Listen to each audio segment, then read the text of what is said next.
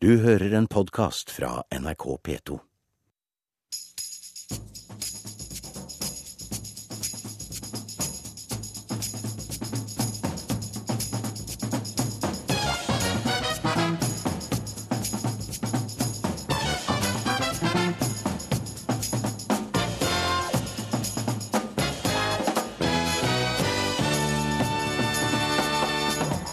Petter Northugs alenegang og avskjed med skilandslaget kan skade norsk idrett, mener sportskommentator. Akkurat nå går Northug og de andre skiløperne innspurten i verdenscupen. Fotballfrues flate mage gir kvinner forvridde forventninger om hvordan man skal se ut etter å ha født, sier Kadra Yusuf. De fleste kritikerne er tjukke og misunnelige, svarer blogger. Og førjulshandelen er i gang, men trenger vi dyre gaver for å få julestemning? Jeg ble mye gladere det året jeg fikk en iPad enn det året jeg fikk to øredobber i tre.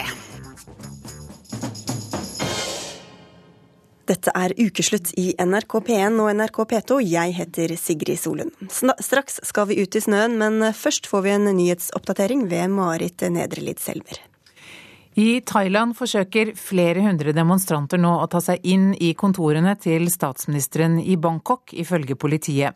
Samtidig kommer det meldinger om at andre demonstranter har angrepet en buss med folk som støtter regjeringen, og det har vært demonstrasjoner i Bangkok i flere dager. I Glasgow prøver redningsmannskaper fortsatt å befri mennesker som er fanget inne i puben der et helikopter styrtet i går kveld. Skotsk politi bekrefter nå at én person er omkommet, men de tror at tallet på døde kommer til å bli høyere. Det er fortsatt ikke klart hva som gjorde at politihelikopteret styrtet og falt ned på taket på puben i går. USA sier at de vil ødelegge kjemiske stridsmidler fra Syria. Det forteller Organisasjonen for forbud mot kjemiske våpen, OPCW. Ifølge organisasjonen skal amerikanerne ødelegge kjemikaliene ved hjelp av hydrolyse på et skip ute på havet.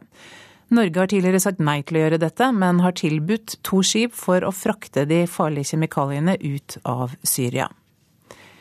I Ukraina er mange mennesker skadet etter at politiet plutselig angrep en tilsynelatende fredelig demonstrasjon i natt. Ti personer skal være arrestert. Demonstrasjonen startet i hovedstaden Kiev i går kveld og var en protest mot at Ukraina ikke skrev under en samarbeidsavtale med EU. Justina Kowalczyk har vunnet dagens fem kilometer klassisk langrenn i Kosamo i Finland. Marit Bjørgen kom på andreplass, slått med tre sekunder, og Therese Johaug ble nummer tre. Marit Bjørgen må, må ta inn 25,7 sekunder i morgen for å vinne minitoren. Og nå fortsetter ukeslutt i nettopp langrennssporet. Det er mest, mest at motivasjonen min eh, trekker mot det nå. og Det er det jeg ønsker. Å styre, styr hverdagen litt mer sjøl og, og, være litt mer egen kaptein. og det, det, er det som er begrunnelsen for at jeg, jeg gjør det valget. Nei, nå skal vi skilles, Johanne. Nei, eh, jeg syns jo det er synd. Eh, jeg hadde håpet at Petter skulle fortsette å være en del av eh, landslaget gjennom hele sesongen. Det har tatt lang tid å få til en avtale som gjør at Petter Northug kan gå renn for Norge internasjonalt. Jeg tror ikke at det kommer til å være tilfeller sånn som situasjonen min har vært, at folk trekker ut fra landslag for å gå privatlag. Det tror jeg ikke. Det var nok mange som fikk seg en støkk da OL- og verdensmester Petter Northug annonserte at han ville bryte med det norske skilandslaget og heller satse på egen hånd. Men nå har Northug og Skiforbundet blitt enige om en avtale som gjør at han får lov til å gå med det norske flagget på brystet. Hvilke konsekvenser Northugs valg kan få, kommer vi straks tilbake til, men akkurat nå går han og de andre langrennsløperne 10 km klassisk i verdenscuprennet i finske Kosamo, og der er du reporter Mats Håby. Hvordan ligger det an? Eh, nei, De ligger eh, godt an sett eh, med norske øyne. Petter Northug har akkurat gått ut på sin 10 km, så han vet vi ikke så veldig mye om ennå. Men Martin Jonsrud Sundby leder i mål, og en type som Elda Rønning også kjemper helt i toppen her. Så det ser foreløpig veldig lyst ut med norske øyne. Det har vært mye snakk om formen til Petter Northug. Hvordan ser den ut til å være? Nei, det, det, blir jo spennende å se. I dag går røk han ut i kvartfinalen eh, under sprinten. og Når jeg pratet med han etter det løpet, så sa han at, var, at han var i forferdelig form, både teknisk og, og fysisk. Så, så, på egne vegne mener han at han er i en, eh, en, fryktelig dårlig form, men jeg er ikke så sikker på at han er så dårlig som han skal ha det til selv. Dette er jo altså en del av en minitor. Hvordan ligger de norske gutta an sammenlagt? Hører du meg? I går så er det Eirik Bransdal faktisk som vant den sprinten, som går ut i gul eh, trøye. er noe overraskende, men han kommer nok ikke til å gjøre det etter dagens 10 eh, km. Så jeg regner med at det er flere av de norske gutta som kommer til å være med helt, helt i toppen. Og nå ser jeg også at Petter Northug eh, snur inne på stadion her, så får vi se om han også kan hevde seg godt sammenlagt. Men Martin Jonsrud Sundby er absolutt en mann som kan være med helt, helt i toppen i denne minitoren. Og så gikk damene tidligere i dag. Hvordan klarte de norske seg der? Nei, De klarte seg bra. Marit Bjørgen hun ble nummer to, mens Therese Johaug ble nummer tre. Men det står foreløpig 2-0 i verdenscupseiere til Justina Kowalczyk over de norske jentene. Hun vant også dagens fem kilometer, akkurat som hun gjorde på gårsdagens sprint. Så i de klassiske disiplinene så ser det i hvert fall ut foreløpig som at det er polske Justina Kowalczyk som er sterkest her i sesongåpningen i eh, iskalde Kosamo. Og hvordan det går får vi, følger vi med på utover i NRK. Takk skal du ha, Mats Håby. Det har altså skapt reaksjoner at Petter Northug ikke lenger vil være del av skilandslaget, men heller ha sitt eget opplegg sponset av Coop. Og Esten Aaseter, sportskommentator i Dagbladet, du har kalt dette privatstuntet til Northug og hans team for et overraskende angrep på fellestanken i norsk eliteidrett. Hva mener du med det? Ja, det er jo slik at uh, norsk idrett i sin suksessperiode, som nå har vart i over 20 eh, år, har vært veldig fokusert på å bygge opp nedenifra. Vi har en spesiell idrettsbevegelse i Norge hvor det betyr mye at eh, lokalklubbene ligger i bånn og leverer sine beste utøvere til kretslag og så til, til landslag. Eh, og når det da kommer sterke private interesser og henter ut eller finansierer løpere som har valgt å gå ut av landslag, eh, så betyr det at dette systemet blir, blir angrepet. Og det tror jeg vi skal eh, virkelig tenke etter om vi ønsker det slik. Vi ønsker jo all suksess til de, til de som er aller best, men, men, vi ønsker kanskje først og fremst at idretten vår får lov til å bli sterk over lang tid. Hva kan det få for konsekvenser da, tror du? Ja, det betyr jo helt opplagt at man trekker ut en del kunnskap eh, fra toppidretten, og vi er avhengig av denne kunnskapen, fordi vi er et eh, ganske lite land. Og vi har eh, da laget en, en toppidrett hvor vi forsøker å hjelpe hverandre og jobbe på tvers av idrettsgrenene rundt eh, Olympiatoppen. Så, så, dette er, hvis det får utvikle seg, et, et ganske alvorlig angrep på den eliteidretten vi har drevet med de siste årene. Idrettshistoriker Thomas Kanke, hva syns du om privatsatsingen til Petter? Ja, altså jeg er enig med Esten Sæther at grunnmodellen må være fellesskapet og den nasjonale modellen, som vi har hatt veldig stor suksess med. Men det må ikke være så absolutt at det ikke må kunne finnes unntak. Og i Petter Northugs tilfelle, det er vel den vi skal se på, så var han kommet til et tidspunkt i karrieren hvor han følte at nå kan det fort være at nå har jeg fått nok. Jeg trenger en ny impuls, jeg trenger et nytt opplegg. Han var lei av en rekke konflikter som ikke har vært så mediefokuserte. Og jeg må tro Petter Northug på det, og jeg har også en del inside-informasjon som gjør at vi kunne opplevd at Northug hadde lagt opp hvis han ikke hadde fått lov til å gå en ny vei, hvor han selv kan bestemme alt. Så tilbake til det. Grunnmodellen må være fellesskapet, men vi må kunne akseptere unntak. Men hva, Hvilke signaler sender det når en så fremtredende person bryter ut? da? Ja, Det har vi sett i media, at alle mener han er egoistisk, og noen har kalt ham klovn. Det går jo ikke jeg inn for. Men eh, Eh, signalet altså vi Vær klar over at Northug har vært i en helt spesiell situasjon. Når landslaget møtes, så er det media, Esten og alle hans kolleger skal bare snakke med Northug. Der sitter altså Jonsrud Sundbø og Rønning, begge verdensmestere, får ikke et spørsmål. Eh, jeg tror at det var greit for landslaget, for jeg mener at det er et bedre miljø på landslaget nå uten Northug enn det var med Northug. Ja, det er nok eh, riktig, det. Og jeg er helt enig med deg, jeg, Tom, at at vi trenger å gi plass for individuell individualitet. ikke sant? Petter er noe helt for seg selv. Så vi kan godt glemme Petter i denne sammenhengen her. Men selve det at man eh, forsøker å lage private lag med de beste løperne, er ødeleggende for norsk idrett. Og det er det Coop har bidratt eh, med. Vi så det samme i skøyteleiren for et par år siden, som ble helt ødelagt av, eh, dette profflaget. Og vi ser at det er enkelte privatlag i langrenn som sier at kom til oss, dere landslagsløpere, så skal dere få et bedre opplegg. Og Det er viktig at vi, at vi, tar denne debatten, og det er viktig at vi evner å si nei, selv om det er veldig fristende å jatte med de aller beste. Ja, disse privatlagene det er først og fremst langdistansehesten. Eh, og de er ikke egentlig interessert i landslagsløperne, fordi, eller landslagsløperne er ikke så interessert i det, annet enn å liksom, avslutte karrieren sin, kanskje med litt bedre betalt. For det er bare snakk om å gå disse langløpene, og det er jo ikke olympiske og verdensmesterdistanser. Så jeg, jeg, er så, jeg, er ikke så, redd for det. Eh, og i tilfellet med, med Northug, så er det ikke Coop som har tatt ham ut av fellesskapet. Northug bestemte seg for nå må jeg ut av fellesskapet. Og da er Coop må operere på samme måte som Norgesgruppen, eh, Rema-gruppen og alt det andre. Det er rene kommersielle aktører i en beinhard konkurranse. Og hadde ikke Coop tatt ham, eller sagt ja, så kunne kanskje Norgesgruppen eller Rema-gruppen tatt den. så har vi gått like langt. Det er et veldig dårlig, dårlig argument, og det, det tror jeg du, du skjønner. Altså, når vi skal se på handlingene våre, så kan vi ikke si at hvis alle andre hadde gjort det, så eh, Derfor så velger vi å gjøre det. Det holder jo ikke. Nei, men det er markedsføring!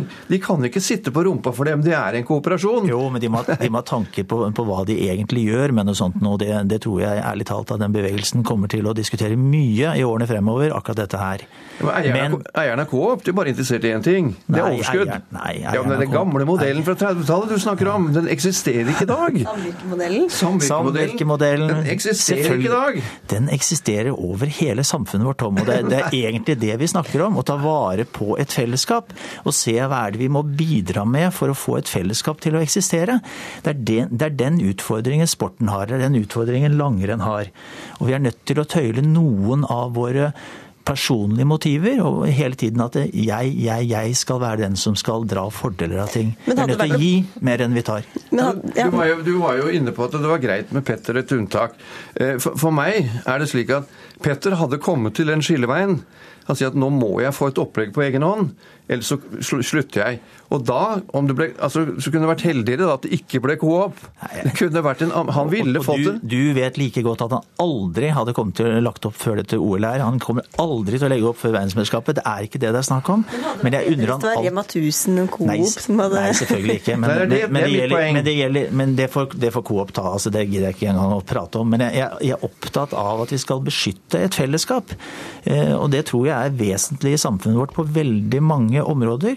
Og det, det, gjelder absolutt i sport. Og vi må se at uh, uten de lokale klubbene og uten denne jobbingen sammen, så kommer ikke norsk idrett til å klare seg godt framover. Verken i bredde men, eller i topp. Men det er jeg helt enig i. Ja, men da må, men, også, da må, du også, evne å se litt sammenhenger jo, jo, utover, altså, utover det, ja, utover det å hylle én en enkelt løper. Jeg er, kjempe, jeg er, kjempeglad i Petter, jeg unner han alt godt. Ja, men, men, jeg er nødt til å skjønne linjene, ellers så kommer norsk idrett til å stoppe opp. Jo, men du har jo selv sagt... Og du får ikke noe å skrive historier om heller. Nei, men du skriver jo, du skriver jo senest i en kommentar i går at vi må la Petter liksom være unntaket. Og så jobber vi, Vi er helt enige om modellen for norsk idrett, men det må være mulighet for unntak. Og I dette tilfellet er Petter et unntak. Jeg tror ham på det, for jeg har en dokumentasjon i tillegg til det NRK har dokumentert, på utallige konflikter som Petter var ei. Og jeg kan si dere en ting. Petter er per definisjon konfliktsky. Han vil helst ha det rolig. Og han fant ut dette må jeg ut av landslaget for å få til nå. Og da eh, Esten og jeg er enig. Petter ser vi bort fra, og så holder vi fellesskap for de andre. da får vi slutte med denne skjønne enigheten. Takk skal dere ha. Du hører en podkast fra NRK P2. Hvor stort julebudsjett tror du at du har i år? Oi, det var vanskelig. Mellom 5000 og 10 000, det er det eneste jeg klarer å si nå. Hvor mye penger tror du du bruker på julegaver i år? Nei, kanskje si 6000-7000, da. Hvor mye penger tror du du bruker på adventskalenderen? Nei, Det blir fort 2000-3000, kanskje. Ja. Mm. Nei, Guri, jeg har ikke tenkt på det. Jeg kjøper, uh, kjøper gaver. Skal vi se Ja, hva skal man si? 10 000, kanskje? 10 000? Ikke bare for gaver, men for alt. da. Det er jo lys, det er gaver, det er kanskje noe, noen nye klær, mat. Ja. Ikke stort i det hele tatt. Jeg har sluttet å gi julegaver, faktisk. Ja, jeg er ikke så opptatt av penger og materielle ting. Årets eh, julehandel er allerede godt i gang, selv om vi først i morgen åpner den første luken i adventskalenderen. Og mens noen svir av mange tusenlapper før eh, julehøytiden, prøver andre seg på langt rimeligere alternativer. Ukesluttsreporter Steinar Suvatne var med på forberedelsen av to vidt forskjellige adventsmarkeringer. I en av dem henger jul og shopping tett sammen. Og masse sånt tull som, som gir meg glede, da. Og så blir det revet av etterpå. Uh, Overhodet ikke lagt merke til. Men det får så være. Julen er her, og trebarnsmor Hege Ovitt lager sin berømte julekalender. Ja, det var jo målet med det hele, da. Å bli den mest populære mammaen i Ullevål Hageby. For dette er ikke en hvilken som helst julekalender heller. I Ullevål Hageby så er dette faktisk et tegn på at jula nå er i vente. I fjor så fikk eh, hele kollektivet til Mathias eh, kalender. Så Mathias fikk sin egen, pluss at jeg hadde laget egen kollektivkalender. Men den koster penger, og ganske mye penger også. Det er jo helt eh, meningsløst å bruke så mye penger. Ifølge hovedorganisasjonen Virke så vil vi nordmenn bruke rekordhøye 50 milliarder kroner på vår julehandel i år. Det er en sum som er høyere enn bruttonasjonaleprodukt til land som Armenia, Mali og Kongo eh, objektivt sett, og det er helt meningsløst å bruke så mye penger som jeg gjør også. De trenger ikke en eneste av de tingene jeg gir dem. Nei.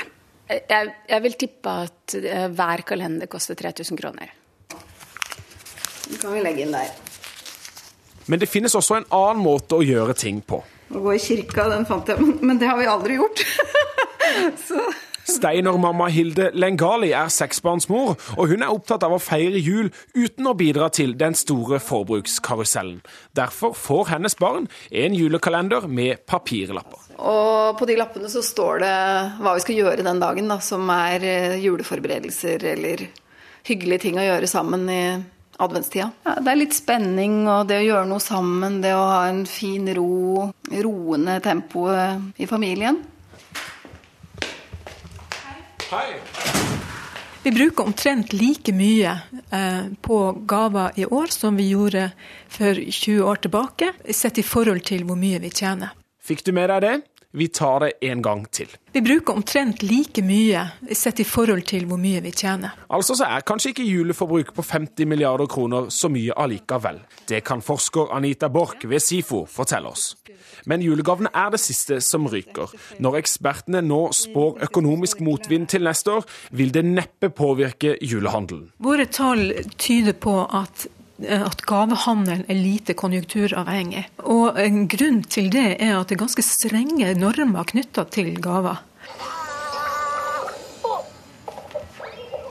En helt vanlig Oslo-borger vil legge igjen i snitt 10 900 kroner i butikkene i desember. Der, Kaptein Sabeltann gavesett er det jeg skal ha. Og en slik helt vanlig Oslo-borger, det er Tone Rygg. Hun er lærer, tobarnsmor og hekta på jul. Så her har jeg én, to, tre, fire, fem, seks, sju, åtte kalendergaver her òg, faktisk.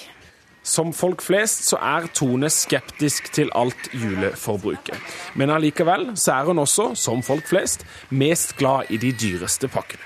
Jeg ble mye gladere det året jeg fikk en iPad enn det året jeg fikk to øredobber i tre. Fordi det var mye dyrere og finere. Så det er viktig. Det er kjempeviktig. Men er, ikke, er, du ikke litt materialist nå? Jo. Veldig. Å, du, unnskyld. Der. Der. 1300 pærer. Da må man sortere. Oi, disse var veldig fan. Har du oversikt over hvor mye penger du kommer til å bruke på julehandelen i år? Nei, jeg har ikke det. Jeg, jeg har prøvd å telle. Det blir nok Det blir nok over 10 000 i hvert fall. Ikke over ikke over 15 for hele vår husholdning. Et sted midt imellom? Ja. Tipper jeg. Ho, ho, ho, ho.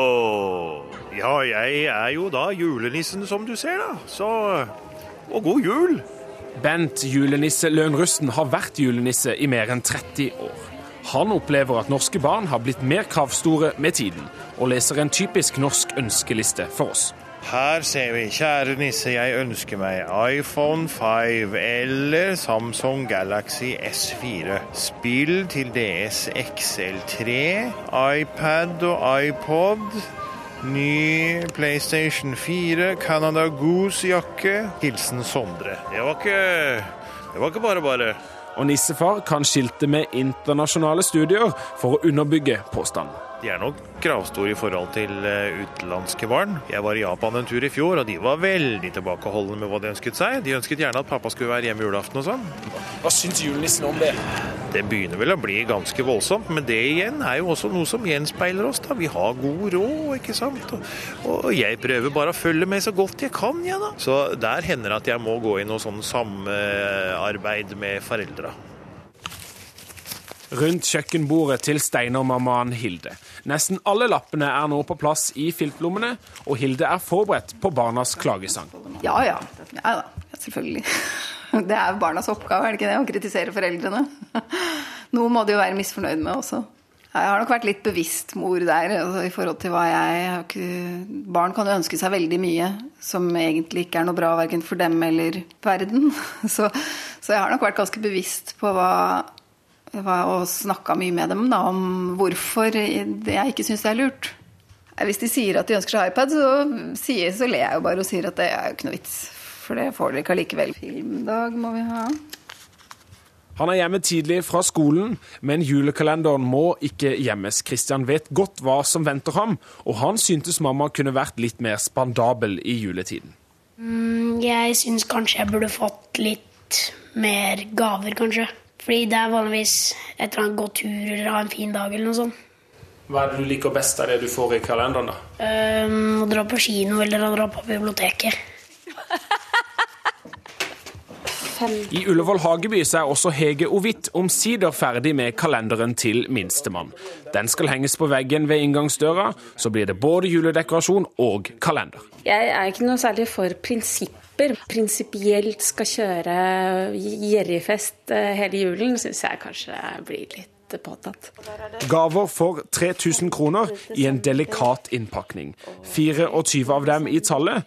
Det gjør godt og vondt på samme tid, innrømmer Hege Ovitt. Det er, jo, det er ingenting av dette de har bruk for, reelt sett. Eh, ikke engang tradisjonen. Så du møter deg selv litt i døra når du lager denne fotokalenderen? Jeg møter meg veldig i døra. Jeg har dårlig samvittighet til og med når jeg sitter og pakker. Men det er en sånn vond, godt, godt vondt følelse. Du hører på Ukeslutt i NRK P1 og P2. Bli med videre og hør at Fremskrittspartiets Per Sandberg mener barn kan få psykiske problemer av å være for mye i barnehagen og for lite sammen med familien. Rent oppspinn, svarer Arbeiderpartiet.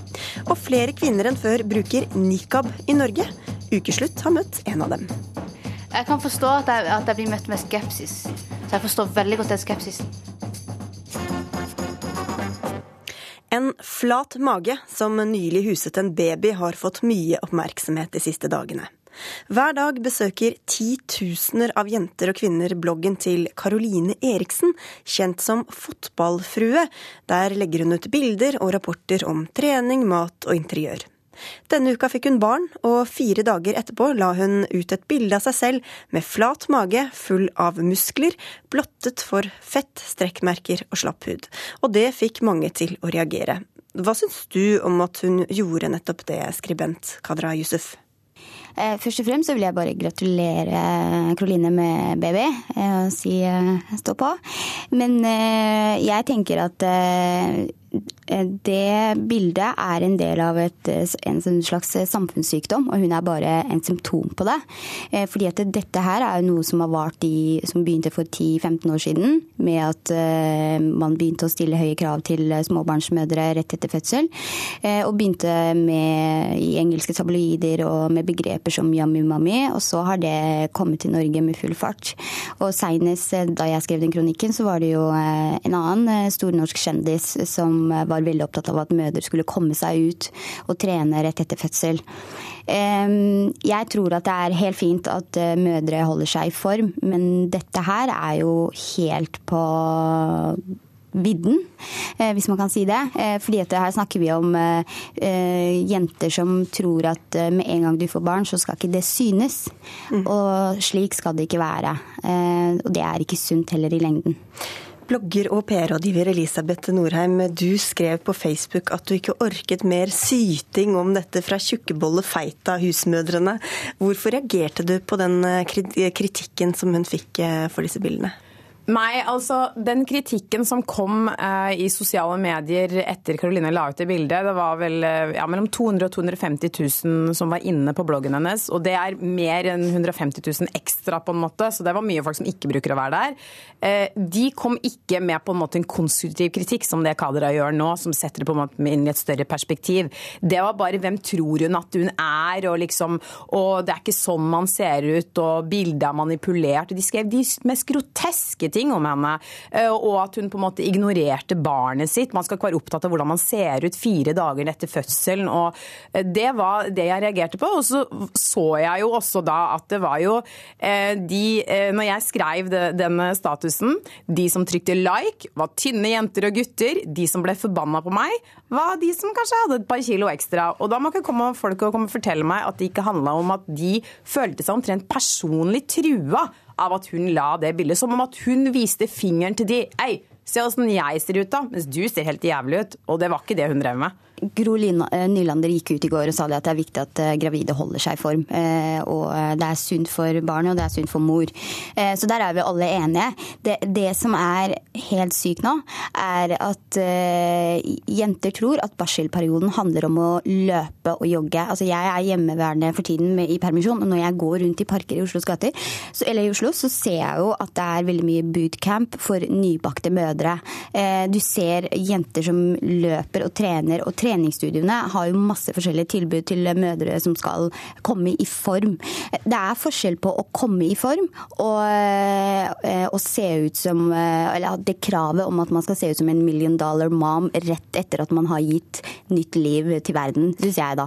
Elisabeth Norheim, er det verdt å applaudere f.eks. da fotballfrue for å vise hvor eh, utrolig flott kroppen har eh, rett etter en fødsel? Jeg syns bare det skal være plass til alle sammen, og det er det jeg ikke forstår. Hun tidligere statssekretær Gry Larsen la ut et bilde som, av sin egen mage, der hun skrev liksom hashtag det uh, normalfrue, liksom, eller noe sånt. Hva er det Jeg så ut som, uh, som fotballfruen etter, uh, etter, jeg hadde født, og jeg er ikke spesielt trent. Jeg er bare en ekstremt mikroskopisk utgave av en afrikansk pike, liksom. Så derfor, men og hun Skal vi danse, Nadia, la ut også liksom, og fortalte om Hun er veldig, veldig trent, og hun så akkurat sånn ut. Hvorfor er det sånn at vi er liksom freaks? Og vi er unormale eller sånt. Hvis du skal akseptere at, at, alt er greit, så må jo liksom eh, vi som var tynne etter fødselen, også få lov å legge ut bilder eller fortelle eller noe sånt. Men de jentene som Kadra snakker om, som er på disse bootcampene og sånn, i Oslo så er det ikke unge jenter som, som får barn. De fleste er liksom damer over 30. Og jeg tror ikke at de sitter på og titter på fotballfrua sin eh, blogg etter fødselen og bare tenker at å, sånn skulle jeg egentlig sett ut. Det er jo snakk om hele fenomenet om fabulous mom, yummy mom. Altså det er på en måte en, en trend som har vart de siste ti årene. Der samfunnet har, det går ikke en dag uten at du leser i tabloidene at det ser så fin hun ser ut'. Eh, så, ehm, og så er det veldig mange kjendismødre som lar det slippe at ja, jeg kom jo fort i form eh, etter fødselen. Altså hvorfor er det et tema etter at, jeg, eh, etter at, man har fått barn? Hvorfor skal man på en måte seksualisere og enda en arena av en kvinnes liv. Før i tida så var det sånn at man kunne slappe av faktisk i barselperioden. Bare slappe av kose seg med sin baby. Nå skal mm. man komme i form og fortest mulig skinny jeans. Jeg syns ikke det er sunt. For jeg tenker om 40 år så kommer man ikke til å se gravide damer. Da kommer man til å sende de til en eller annen sånn der belly, eh, belly camp, der kvinner kan bare føde og så komme tilbake med sånn, ser ut som sånn superfit og med babyen som assessoar. Ja, men helt ærlig, da. det er jo strengt tatt ikke sunt i lengden. Nei, men jeg tror, jeg tror tror faktisk folk klarer å skille. Jeg tror ikke at når du på en måte er, er i liksom barselsgruppa i Bodø, så tror ikke jeg at folk tenker at bare hei, jeg skal se ut som liksom Angelina Jolie. Hvilke signaler sender det deg, mener du, Norheim? Nei, altså jeg skjønner det med det liksom presset fra media og sånn type generelt, men jeg, jeg stoler mer på liksom folk flest. At de klarer å skjønne at de er ikke, de er ikke liksom disse kjendisene. Tror du ikke at de sammenligner seg med det? Nei, det tror jeg ikke. Jeg tror ikke de, hvis folk er- sammenligner er seg med. Angelina, så har de et problem. Det er jo det som er feil, fordi at de, mange undersøkelser viser jo at eh, gravide kvinner sin største problem er at de er urolige for hvordan de kan komme fortest mulig i form etter at de har fått babyer. Og det er jo bare å gå inn på forskjellige nettforer som nybaby.no eller ja, gravid.no. Sånn at det er, eh, det er jo et reelt problem at eh, man føler at det er et krav at man kommer fortest mulig. Når man så bildene av Kate, prinsesse Kate etter at hun hadde fått barn, så var det veldig mange som ikke visste at det var en sånn, sånn mage etter en, etter at man har født skulle se ut. Folk trodde at hun fortsatt var gravid, eller at hun var gravid med tvillinger og at den ene babyen var igjen. Skjønner du hva jeg mener? Altså, det er jo helt sjukt. Ja, men det var, ikke- det var ikke folk som hadde født som trodde det. Det var folk som ikke hadde født som trodde det. Ja. Du hører en podkast fra NRK P2. Hva, hva syns du om nikab? De påstår at det er religiøst, eh, at det er et religiøst grunnlag. Men jeg syns jo det virker veldig kvinnediskriminerende at, eh, at det skal være slik. Så selv så syns jeg det er fælt, jeg tror ikke jeg ville gått med det hvis ikke jeg hadde noe religiøst grunnlag for det. I utgangspunktet blir jeg kanskje litt fordomsfull. Eh, Jeg tenker liksom at det er mangel på integrering. Jeg tenker jo stakkars dem, eh, fordi det ser eh, ja, ukomfortabelt ut, rett og slett. Men selvfølgelig, hvis de gjør det frivillig og gjør det pga. en tro, så må de få lov til det. Kvinner i heldekkende hodeplagg der bare øynene er synlige, er fortsatt et relativt sjelden syn i Norge. Men ifølge Aftenposten er det stadig flere unge kvinner som kjøper nikab, og forskere sier til avisen at de mener det kan tyde på radikalisering. Reporter Elisabeth Onsum har snakket med eh, 26 år gamle Somia, som har brukt nikab i ett år. Den her er jo altså Nå sitter jeg uten nikab da, foran deg, fordi du er kvinne. så jeg har på meg en, det, det som kalles for hodebaya, som dekker da fra topp til tå. Det er egentlig veldig enkelt. Somia er 26 år gammel, mamma til to små jenter og opprinnelig fra Algerie. Og som du kanskje hører, har hun vokst opp på Sørlandet. Du merker det er god kvalitet når, når du ser at, eh, at stoffet er tynt. At det er lett å puste igjen. For ett år siden bestemte hun seg for å begynne å bruke nikab, altså et hodeplagg som dekker hele ansiktet, bortsett fra øynene. Så for min del så var det bare for å, fordi jeg følte at jeg trengte å gjøre noe bedre. da. Og at jeg trengte en annen motivasjon til å, til å begynne å gjøre, reli- eh, gjøre litt mer tilbedelse til, til Gud, fordi jeg følte jeg bare stagnerte. Og det, det, var- det funka. For meg så funka det. Hvor tror du det behovet kom fra? Det behovet tror jeg nok eh, kommer fra en helt naturlig refleks hos mennesker, tror jeg. Bare det at man ønsker å gjøre ting bedre. Og for meg så er det religion. Jeg setter en strikk baki her sånn. Sett Sette sammen de to lagene. Foran speilet på badet demonstrerer Somia hvordan hun fester tøystykket i bakhodet med en strikk. Det er jo ikke så veldig vindstille i Norge. så jeg flyr jo den over øynene mine. Da ser jeg jo ikke. Så jeg legger den bak. Sånn. Så når jeg da skal identifisere meg på eksamener og alt mulig, så bare gjør jeg sånn. Da ser man jo her ganske tidlig. Funker veldig greit. Men hva tenker du da om de som ikke bruker eh, nikab? Det, eh, det er et personlig valg. Jeg bruker nikab for meg sjøl, for ingen andre enn meg sjøl.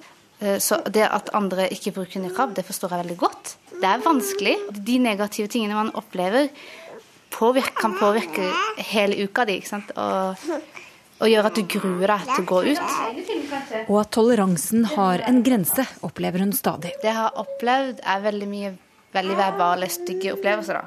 Eh, særlig når jeg har med hun lille her, så tror jeg en del tror at jeg kanskje er eh, at hun er blandingsbarn fordi hun er litt lys. Særlig når man er ute, så merker man det. Så det er mange som, eh, som kaller, kaller meg for landssviker, og, og andre ord som han ikke sier høyt. eh, eh, og jeg reagerer veldig på det, da. Det, ja. Når de begynner å kalle meg for landssviker, sånn, og, og ut, altså automatisk begynner å sette meg ut av, av samfunnet og sette meg som en avviker. Jeg opplevde en gang at, eh, at det var en mann som eh, altså Jeg, jeg merka først ikke jeg, merket, jeg la ikke merke til han før han før han hadde hånda si her, da. På hodet ditt? Ja, på hodet mitt. Uh, og, han, og, og det eneste jeg hørte, var liksom Ta av de yeah, greiene. og, men så så jeg at en venn av han som gikk ved siden av han, dro han da og drev og prøvde å roe han ned. Men kan du også forstå at, eh, at, at du blir møtt med en viss skepsis? Nå snakker Ja. jeg ikke om fysiske angrep. Jeg kan forstå at jeg, at jeg blir møtt med skepsis. Det forstår jeg veldig godt, fordi det er noe som ikke er eh, eh, kjent eller normalt i det hele tatt i Norge. Og det er noe som på en måte har også fått en negativ, et, et, negativ, et negativt fokus. Så jeg forstår veldig godt den skepsisen. Det er usikkert nøyaktig hvor mange kvinner som bruker nikab i Norge. Men Somia bekrefter at de er i ferd med å bli flere. Eh, jeg tror det stemmer. Og nikabene kjøper de på internett. Skal du òg se kommentarflyen? eBay er veldig, veldig populært. Eh, fordi det er billig, og, og det er liksom kjent. Men Somia avviser at det er mennene som tvinger kvinnene til å bruke nikab. I hvert fall her i Norge. Det er heller motsatt. Det er, jenter som, det er kvinner som vil bruke nikab, også, som da ikke gjør det fordi mennene eh, frykter for dem. At De sier liksom ikke gjør det, for det er ikke trygt.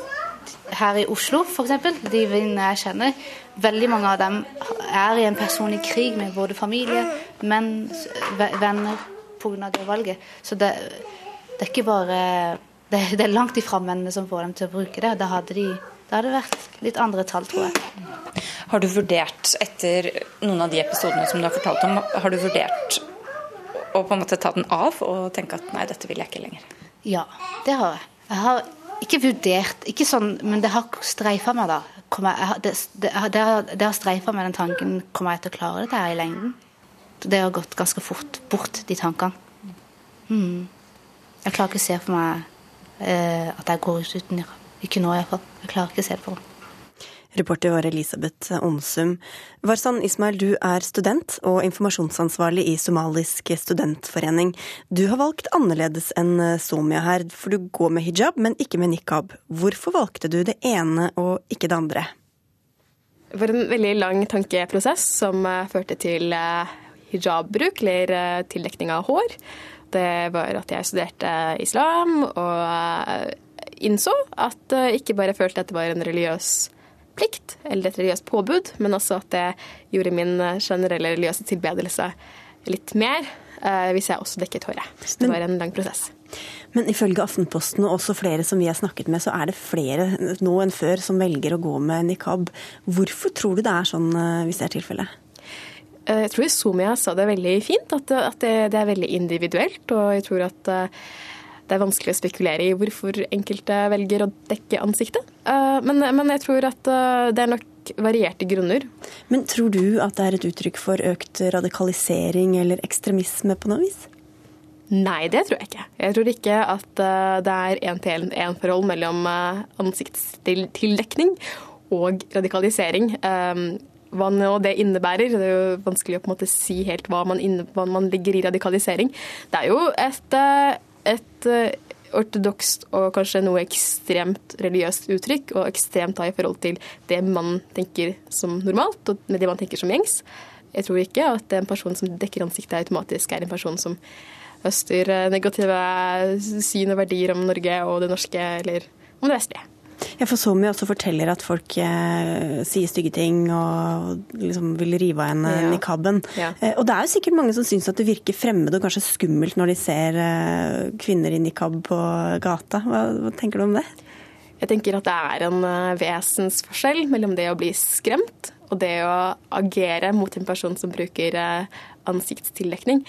Men kvinner som bruker nikab, erkjenner jo, innser og antageligvis har tatt hensyn til og valgt å se bort ifra de følelsene de fremprovoserer, hos andre mennesker også. Eh, Og det, det må de jo forholde seg til. Og at naboer, skoler eller er ubekvemme rundt deg, er noe man må leve med. Og hvis man føler at det er vondt, så er jo valget å ta av seg nikaben eller flytte. Det er eh, et vanlig argument mot nikab, eller for eh, eventuelt et forbud mot nikab, at det fungerer kvinneundertrykkende. Tror du det er kvinneundertrykkende? Det er et vanskelig spørsmål. Eh, Jeg tenker at hvis nikaben er med på å hindre din delaktighet i samfunnet, og, og hindre deg fra å utfolde deg, så er det et undertrykkende instrument. Jeg vil ikke si at nikaben i seg selv essensielt er nødvendigvis kvinneundertrykkende, men jeg tror at en del tolkninger man, som leder til nikaber, kan virke kvinneundertrykkende. Og jeg tenker at uh, det er veldig vanskelig å si noe om. Eh, I dag er det mange som har begynt å bli vant til å se hijaber eh, på skolen, i barnehagen, på butikken. Tror du det samme kommer til å skje med nikaber også? Det Nei, vanlig? det tror jeg ikke. Jeg tror, jeg tror at uh, vi mennesker er avhengig av uh, kroppsspråk og uh, mye nonverbal kommunikasjon. Og nikaben er en måte, eller gjør at den forsvinner veldig. Jeg tror at eh, selv om folk ikke agerer eller angriper eller er eh, kjipe mot kvinner som bruker nikab, så vil det være vanskelig å forholde seg til kvinner som bruker nikab. Og jeg tror at det, den opplevelsen kommer også nikab-brukere til å oppleve, og så må de jo ta et valg. Vil jeg bruke og fortsette å bruke nikab, eller vil jeg ikke? Jeg tror ikke nikab kommer til å være noen slags religiøs bølge som kommer til å skylle over Norge, der eh, samtlige muslimske kvinner begynner å bruke nikab. Jeg tror ikke det blir et vanlig syn. Takk skal du ha, Warsan Ismail. Stormen hadde så vidt lagt seg etter Frp-nestleder Per Sandbergs bok, før det kom en ny, om ikke storm, så i hvert fall bris, i Aftenposten denne uka. For der, som i boka, sier du, Sandberg, at du frykter at barn og unge kan få psykiske problemer av å være for mye i barnehage, på skole og på organiserte aktiviteter, og for lite sammen med familien. Hva har gjort deg bekymra for det? Vi bevilger altså milliarder på milliarder opp imot barn innenfor psykiatrien, barnevernet, på en rekke områder. Eh, vi ser at barn og ungdom eh, sliter mer og mer. Yngre og yngre mennesker, flere og flere unge mennesker, driver med sjølskading. Eh, og Derfor så tar jeg opp dette her i boka mi, for jeg tror at vi må finne svaret på hvorfor det har blitt slik. Jeg tror at eh, barn faktisk mister kontakten med biologisk opphav. Søsken, foreldre. Det er for lite pusterom for familien til å sette seg ned sammen og få kvalitetstid over lengre tid. Det er for mye barnehage, på SFO osv.? Ja, du, du, har barnehage. Eh, du har, og når du går over i skolen, så har du skole med fritids, eh, skolefritidsordning. Og etter det så er det organisert fritidsaktiviteter igjen. Registrerer at andre land rundt oss har store forsknings prosjekt rundt også for å se på, det, på denne utviklinga. Jette Christensen fra Arbeiderpartiet, er du like bekymra som Per Sandberg? Vi er tillitsvalgte, både meg og Per Sandberg. Og det jeg er bekymret for, er når man kommer med påstander eh, og maler bilder av en virkelighet som ikke har eh, rod i virkeligheten. Jeg har lyst eh, å sitere eh, direktør ved Divisjon for psykisk helse i Folkehelseinstituttet. Han sier at barnehagen er vårt mest effektive virkemiddel til å ivareta barns psykiske helse. Derfor så reagerer jeg eh, kraftig når Per Sandberg setter et likhetstrekk mellom eh, utfordringer innenfor psykiatrien eh, og barnehage. Den linken fins ikke. Det er kun basert på tanker Per Sandberg har hørt seg sjøl ha inne i hodet sitt. Det er veldig alvorlig å komme med sånne påstander. Man oppnår kun en eneste ting, og det er å gi foreldre dårlig samvittighet for å sende folk i barnehagen. Vi har hatt forskning i Norge på dette i 30 år. Den forskningen sier at unger har godt av å gå i barnehage barnehage, man lykkes bedre på skolen, man lykkes bedre i yrkeslivet. Mm. Den linken mellom psykiatri eh, og barnehage, den finnes ikke. Eh, det som eh, går utover unger, er hvis de har det dårlig hjemme. Og det er en helt annen diskusjon. Jo, men, men man må sette, sette her riktig ord på det. For jeg snakker ikke om barns psykiske problemer når de er i barnehage. Snakker, Men at de kan få det seinere? Jeg snakker om de utfordringene som vi ser nå. Eh, og det kan ikke benektes. Eh, det er klart og tydelig at barnevernet får flere og flere penger, større og større utfordringer. Det er sånn at Barne- og ungdomspsykiatrien får større og større utfordringer. Frankrike har mindre omsorgsovertakelser enn Norge. Frankrike har 65 millioner innbyggere, Norge har 5 millioner innbyggere. Men, men, også, også, når man viser til denne forskninga i forhold til hvor godt og dårlig det er å være i barnehage, så er det vekslende syn på det også. Men fagfolk har jo vært ute og sagt ja. at, det, at, det, ikke er sånn som du sier. Ja, Hvordan vet du at det jo, men, kan skyldes men, det? Men fagfolkene har uttalt seg på de premissene som også legges her. Om at jeg snakker om psykiske problemer for barn med psykiske problemer i barnehage. Det er jo ikke det jeg har gjort. Og så er det sånn, da, det her med, med foreldres dårlige samvittighet. Ja, det, jeg tror det. Det er utrolig mange foreldre der ute som går med dårlig samvittighet fordi at de ikke greier å få hverdagen til å gå i hop. Fordi at begge må jobbe mer og mer, og kvalitetstida i forhold til barna sine blir mindre og mindre. Eh, men jeg vil ikke gi disse foreldrene dårlig samvittighet. Jeg peker bare på de utfordringene som familiene ja, har, og vil løse det på en mer fleksibel måte. Jo, men eh, det nytter ikke å si 'jeg mener ikke å gi noen dårlig samvittighet', eller 'jeg mener ikke å kritisere', for så å gi de dårlig samvittighet, og for så å kritisere. Eh, for det, det som er problemet, Per Sandberg, er at de tingene du sier, fortsatt ikke har rod i virkeligheten. Uansett hvor mange ganger du sier det. Og når du snakker ned de fremste forskerne vi har i Norge på dette feltet, som har jobba med dette her i 30 år, og resultatene er entydige, nemlig at du tar feil når du mener at det er en link mellom økende psykiatri og at eh, unger går i heltidsbarnehage, som du òg sa i det intervjuet i Aftenposten. Fordi at det finnes ikke. Jeg òg er opptatt av å legge best mulig til rette for at foreldre skal ha en god hverdag, for at unger skal ha en god hverdag, og at, eh, for at livet skal kunne gå opp. Men Skjønner du eh, da at mange føler at de får for lite tid med familien? At de må løpe fra det ene til det andre, og at barna er veldig mye sammen med andre enn foreldre og søsken? Ja, hverdagen er hektisk, og vår eh, oppgave som politikere er å legge til rette for at den hverdagen skal gå mest mulig opp. Derfor så har vi f.eks. lyst til at det skal være to barnehageopptak i året. Vi har lyst til å legge til rette for bedre barnehage, men problemet er jo òg det at når Per Sandberg går ut og sier og adresserer denne linken mellom psykiatri eh, og barnehage, som ikke fins, så stjeler han plass i diskusjonen om barnehage. For den tid kunne vi heller brukt på å snakke om kvaliteten i barnehage. For ni av ti nordmenn gleder seg til å gå på jobb hver eneste mandag. Vi kan jo høre hva Per Sandberg, hva er din løsning på dette? Jo, men altså, Det legger jo noe i det politikken som denne regjeringa har lagt til grunn i sin regjeringserklæring også. Det å skape mer fleksibilitet for foreldrene. Ikke nødvendigvis gjennom økonomiske tilskuddsordninger, men gjennom arbeidstidsordninger osv. Å være noe mer fleksibel der. Eh, det tror jeg er en løsning på det. Eh, jeg skal ikke sette meg og min kone og min lille Jakob oppi, i det bildet her, men vi lever i en sånn ekstremsituasjon, og vi prøver å løse det her med å være fleksibel. Det betyr å jobbe litt ekstra noen dager for kanskje å få noen ekstra dager fri sammen med barna sine osv. Men, men, men, men, men at forskerne eh, agerer imot meg det hadde jeg forventa. Hadde de ikke gjort det, så hadde jeg blitt overraska. Men Mener du at de er politiske, eller? Nei, nei, nei. Men altså, alltid er det sånn at disse forskerne som holder på med dette i 20 og 30 år, og særlig da når premissen deres for å uttale seg er det som påstås her, at, det, at jeg påstår at det er en link mellom det å gå i barnehage og psyki, øh, psykiatriske utfordringer, det er jo ikke det jeg gjør. Jeg sier at jeg stiller et spørsmålstegn ved all den tida som barn blir organisert og putta i institusjon, er det da Skal vi ikke sette oss ned og tenke oss litt om? For det som, det som, det som altså, avvises her men, nei, ikke, du kan ikke avvise det.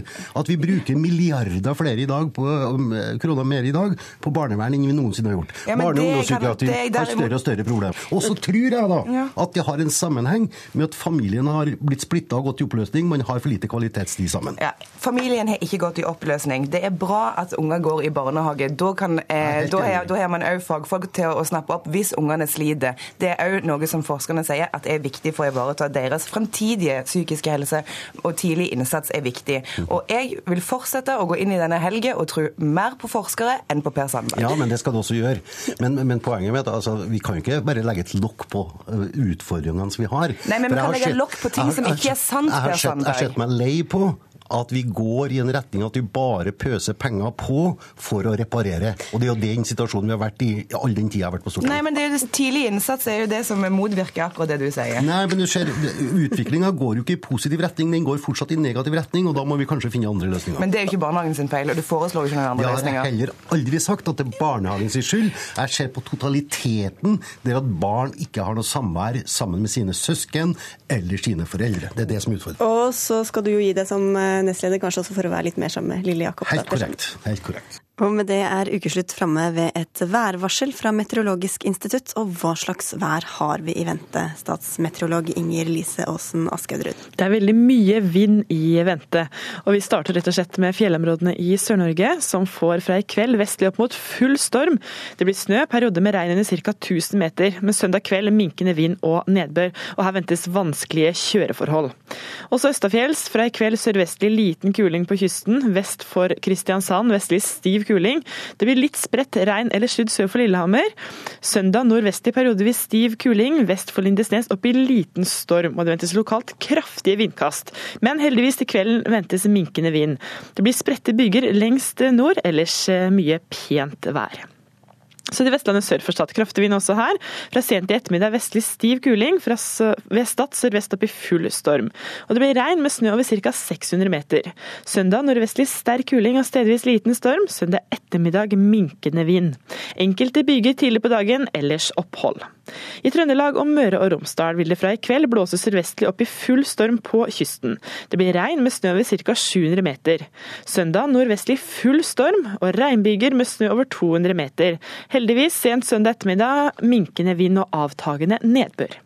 I Nordland ventes fra i kveld sørøstlig liten kuling, fra Sørsalten og sørover vestlig sterk kuling. Søndag nordlig periodevis sterk kuling, om kvelden liten kuling, og det blir overgang til snøbyger. I Troms og Finnmark nordvestlig periodevis liten kuling, søndag nordvestlig periodevis stiv kuling. Opphold på vidda, ellers snøbyger. Og Nordensjøland på Spitsbergen får nordlig liten kuling, søndag nordvestlig. Og litt snø lengst i vest. Og Vi tar med temperaturutsiktene også. I Sør-Norge og sør i Nordland ventes litt stigende temperatur i dag. Utover søndag litt fallende igjen. Og i resten av landet ventes omtrent uendra temperatur det kommende døgnet. Og det var hele varselet fra Meteorologisk institutt. Ukeslutt er over for i dag. Hold deg til NRK radio, og husk også Søndagsavisa på NRK P2 i morgen, tre minutter over elleve. Ansvarlig for denne sendinga var Eivind Våge, teknisk ansvarlig Beate Haugtrø, og jeg heter Sigrid Solund.